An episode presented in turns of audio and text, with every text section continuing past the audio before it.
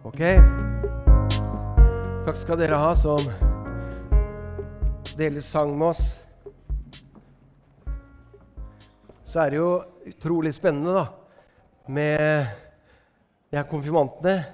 Hele slektene, forresten. Hele slektene. Det er mange slekter i kjølvannet av en sånn konfirmant. vet du. Det er jo store familier. Jeg skal hilse fra Marius. Jeg fikk å være over i LA av alle steder. Marius og han har reist til USA og tilbringer noen måneder der borte og jobber frivillig i en menighet. Og Vi var over og besøkte dem, og han eh, lengta egentlig hjem til å treffe dere. og Være med sammen med Marte og de andre lederne her for å henge med dere. Han eh, har virkelig sans for dere. Han vet hvem dere er allerede. Han har sjekka ut. Så han har forberedt seg godt. Så bare se fram til at Marius kommer her som et sånt som et sånn kruttønne og et fyrverkeri fra nyåret. Vi kjenner Marius, og han var skikkelig gira. Jeg mener, har du gått i en menighet, fikk være med på en gudstjeneste borte på søndag. Og jeg skjønner hvorfor han var gira, for det var trøkk i den menigheten. kan du si.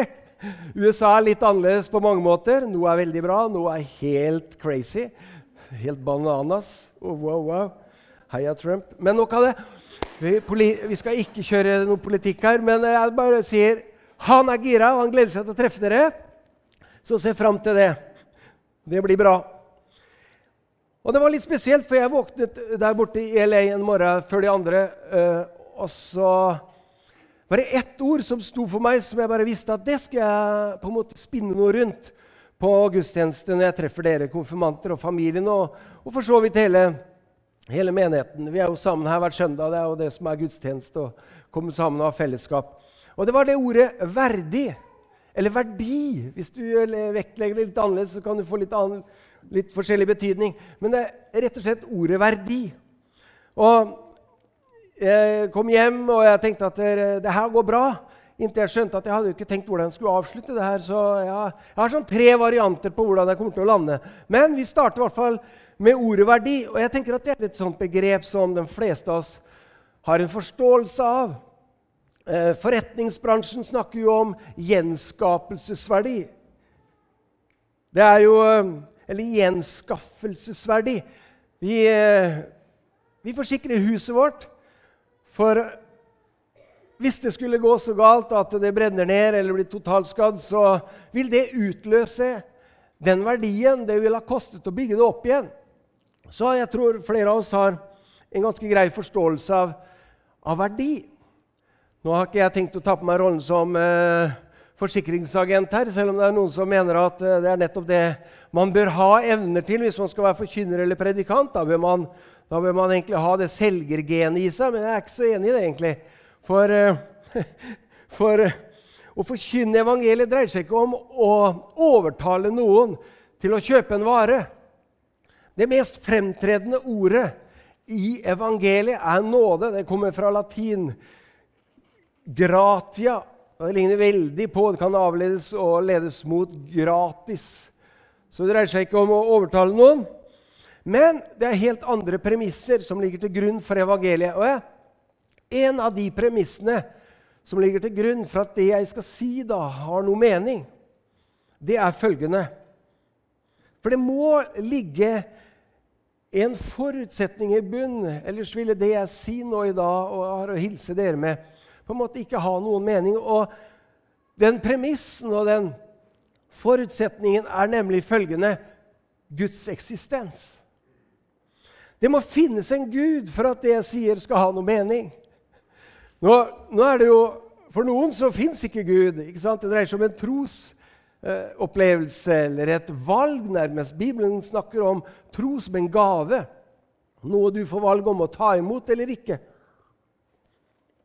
Og jeg tenker at det er veldig mange ulike elementer i folks tilnærming til, til tro eller til Guds eksistens. For meg personlig så er skaperverket, kosmos og vitenskapen faktisk det som underbygger min trosbevissthet sterkest. Eh, noen vil jo tenke at ja, vitenskap ligger jo på kollisjonskurs med tro med, med Nei, jeg tenker helt motsatt. I hvert fall er min opplevelse. Det er så enormt å lese seg opp på vitenskap. Jeg mener, Har du lest øyets anatomi, f.eks.? Det bør du gjøre. Bare netthinna di består av 130 millioner sanseceller. Wow! Jeg mener, bare, for meg så bare underbygger og jeg er, jeg er bonde av yrke og har vært det hele mitt liv. Og jeg ser dette universet, hvordan dette miraklet år etter år, det er livssyklusen gjennom naturen for seg. Og jeg, for meg så, så er det liksom ikke noe valg.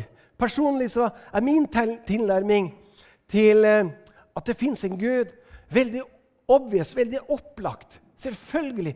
Det må finnes en intelligens, det må finnes en regi, det må finnes en designer. For meg blir det helt, helt utopi å tenke annerledes.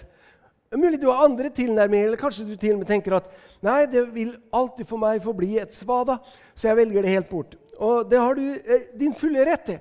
Men jeg bare sier at det er en premiss for at det jeg skal si nå, skal ha noe mening for deg. Det er at det fins en Gud. At Gud eksisterer. Og for hvis det skulle være sånn at det kun var tilfeldigheter og vilkårlige hendelser, da tenker jeg at det blir vanskelig å se en overordnet og en styrt mening og hensikt med både det skapte, med både mennesket, med mitt liv. Og uten at Gud har gitt det en verdi, uten at Gud har gitt det en standard, så syns jeg det her blir merkelig å forholde seg til. Da blir det mer sånn at da er det samtiden, hvor langt vi mennesker har kommet, det som er politisk korrekt her og nå, og det som kulturen i den settingen vi vokser opp, det er den som definerer hva som har verdi. Og da kommer vi Da, da opplever menneskeheten sånne ting som slaveri, f.eks. For. Fordi det da og den gang, der og da, var greit at man tok mennesker, fullverdige mennesker fra Afrika, solgte dem som handelsvare i USA for å hjelpe dem på disse sørstatsranchene. Da vokser det frem regimer som kan degradere menneskeverdet og si at vi står øverst. Sånn som Nazi-Tyskland, som mente å ta livet av seks millioner jøder og mennesker som var handikappa, som ikke passer inn, en ariske rase osv. Da er det det som blir kulturen, og der er kulturen og, og, og tidsbildet og det hva som er politisk korrekt, som definerer hva som er verdi.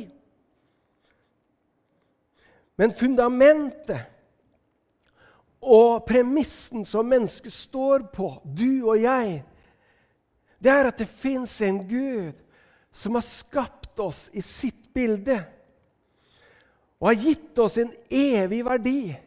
En egen verdi, vil jeg si. Uavhengig av hvordan du ser ut, hvem du er, hva du må føle, hvor du kommer fra, etnisitet, så finnes det noe som overgår alle ideologier og ismer og hva som skulle være politisk korrekt her og nå.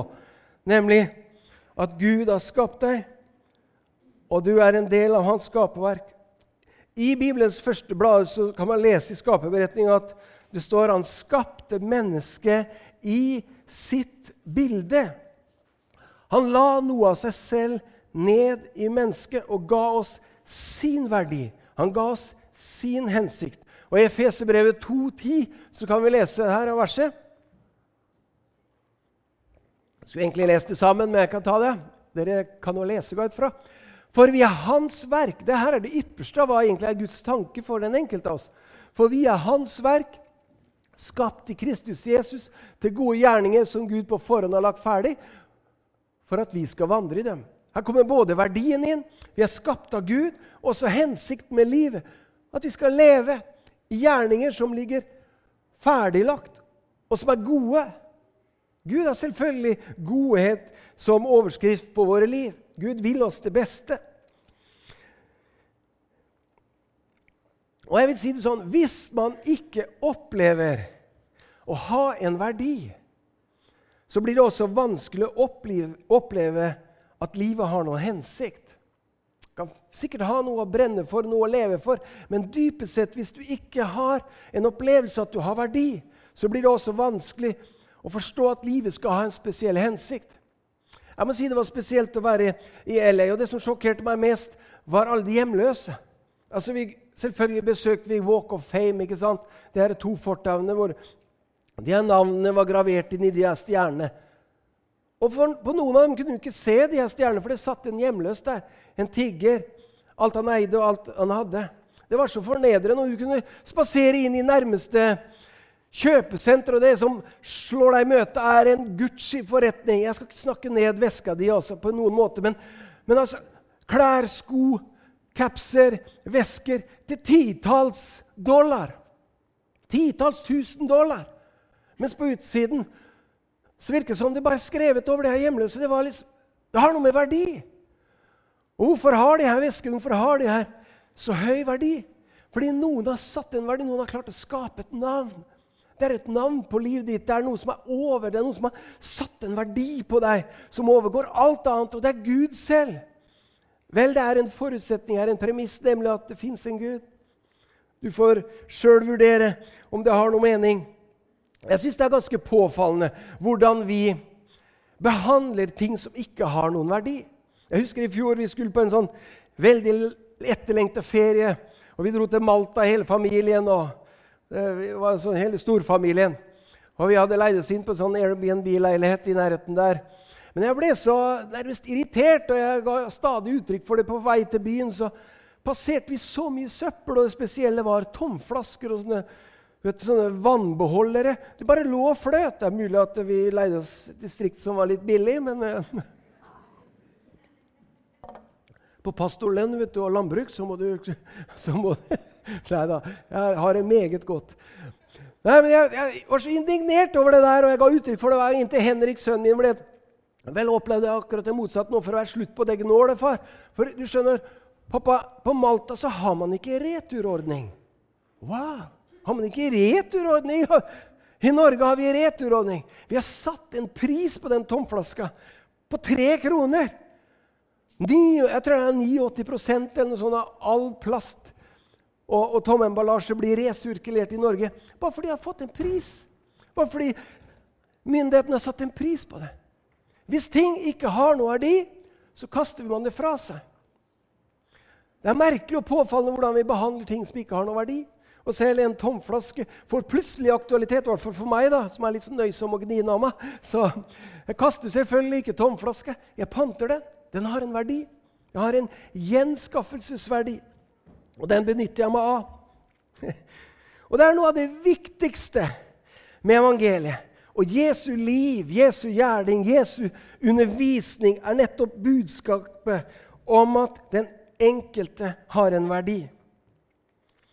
Ta, du kan nesten ta alle lignelsene som Jesus konstruerer. Mange av de, eh, altså Lignelser er jo ting som Jesus konstruerer der og da. Fortellinger han lager. Den bortkomne sønn.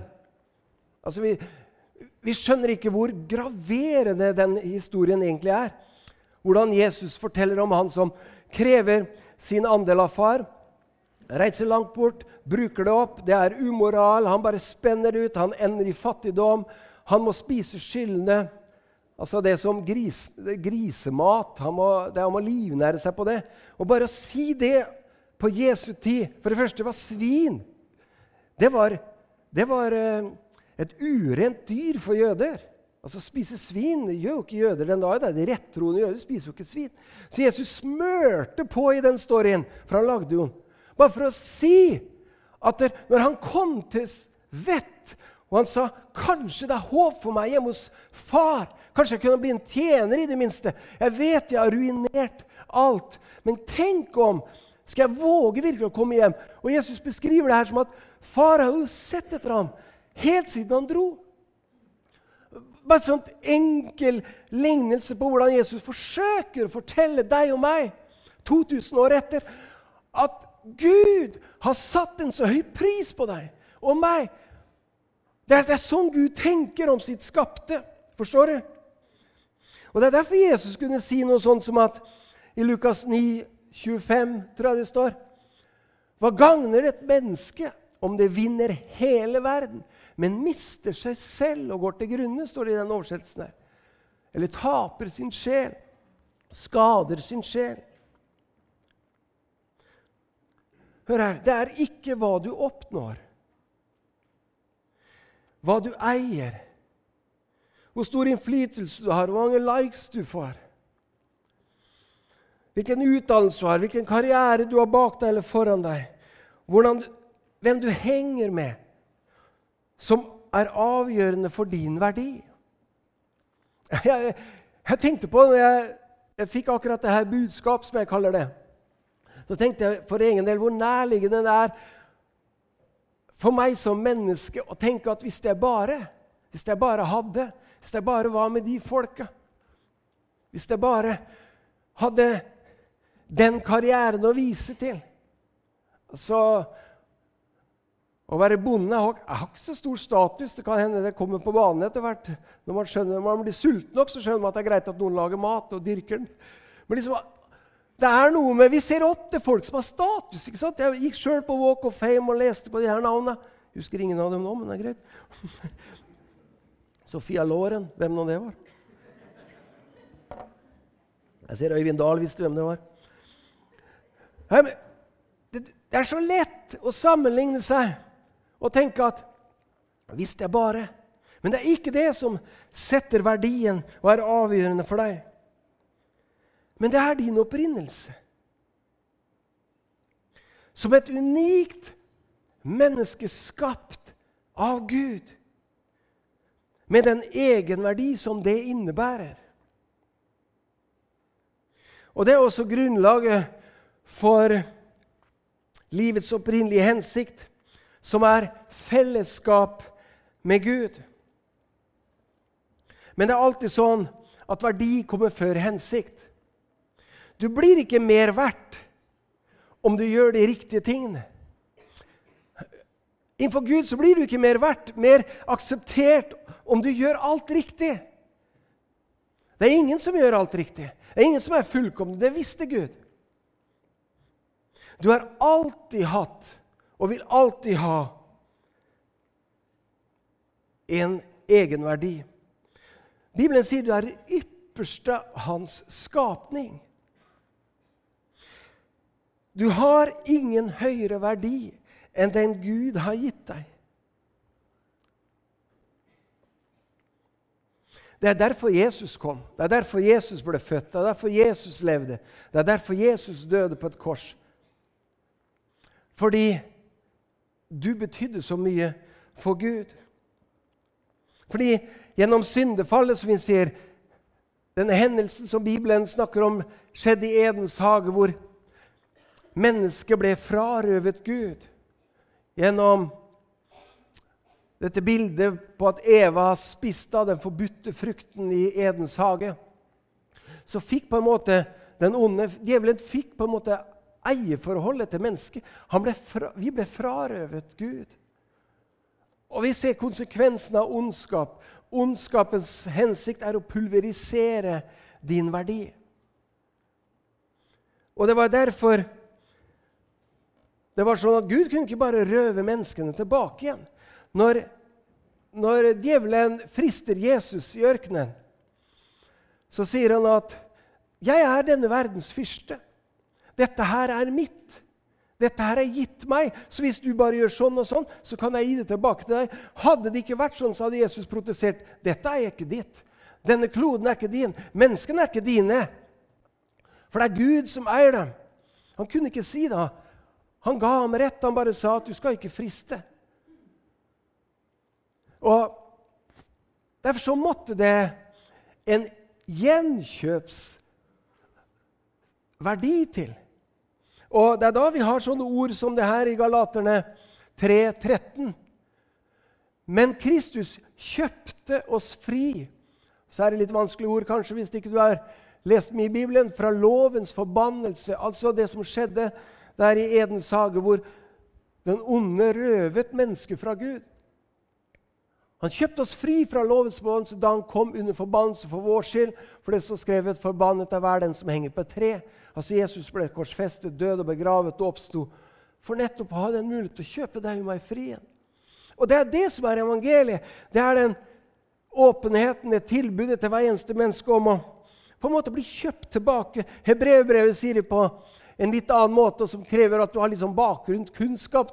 Fordi han tar bilder på Hebreerbrevet. Det, det, skrives til jøder, og jøder har en veldig historie på det her med, med å komme inn for Gud en gang i året. Ypperste presten. Det var sånn du kunne lese i Det gamle testamentet. En gang i året kunne han ofre et dyr, et lam. Eh, som på en måte var uten eh, flekk og lyte, som det står, altså som ikke hadde noen skader, men som var helt perfekt. Så kunne man stenke blodet på de her eh, ulike sakene i tempelet. Og så kunne menneskeheten og jødene gå fri ett år til. Det er liksom bakgrunnen for det her. Derfor sier forfatteren følgende.: Men Kristus er kommet som øverste prest for alt det gode vi nå har.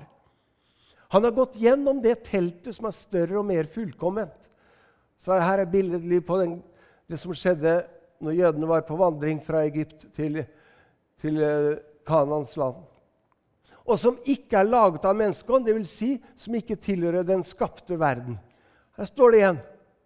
Ikke med blod av bukker og kalver, som var da tradisjonen i, jøden, i jødisk tradisjon. Men med sitt eget blod gikk han inn i helligdommen en gang for alle og kjøpte oss fri for evig. Jeg håper du skjønner poenget med at du har en verdi, og at du har blitt frarøvet den verdien ved at den onde har kommet inn. Jeg, jeg, tror vi alle har en forståelse av ondskap. Det er jo bare å se nyhetene, så vil du ha en opplevelse av at det er ikke helt perfekt akkurat. Men Gud har ryddet opp. Det er mulig å komme tilbake til Gud. Det er mulig å leve livet sitt med det, den verdien over seg. Og jeg skulle ønske at vi denne søndagen, alle sammen, enten du har kjent Gud lenge, det har vært din barndomsvenn, og du har levd med det her hele livet, og det er naturlig for deg, eller om dette her er fremmed, eller om det er ganske nyfiken, så skulle jeg ønske at den søndagen her kunne vi ta et steg nærmere Jesus. Det er et sånt billedspråk på at du både mentalt og også åndelig vender deg på en måte mot det budskapet her. Er det virkelig sånn at det finnes en Gud som har skapt meg, som har gitt meg sin egenverdi. Så vil jeg dra fra den kilden, for å si det sånn. Så vil jeg hente ut det potensialet. Jeg skulle ønske det, at vi alle kunne involvere han mye sterkere på alle livets områder. Og I den anledning kan lovsangerne komme opp. Så pleier vi alltid i vår gudstjenester å invitere til samtale.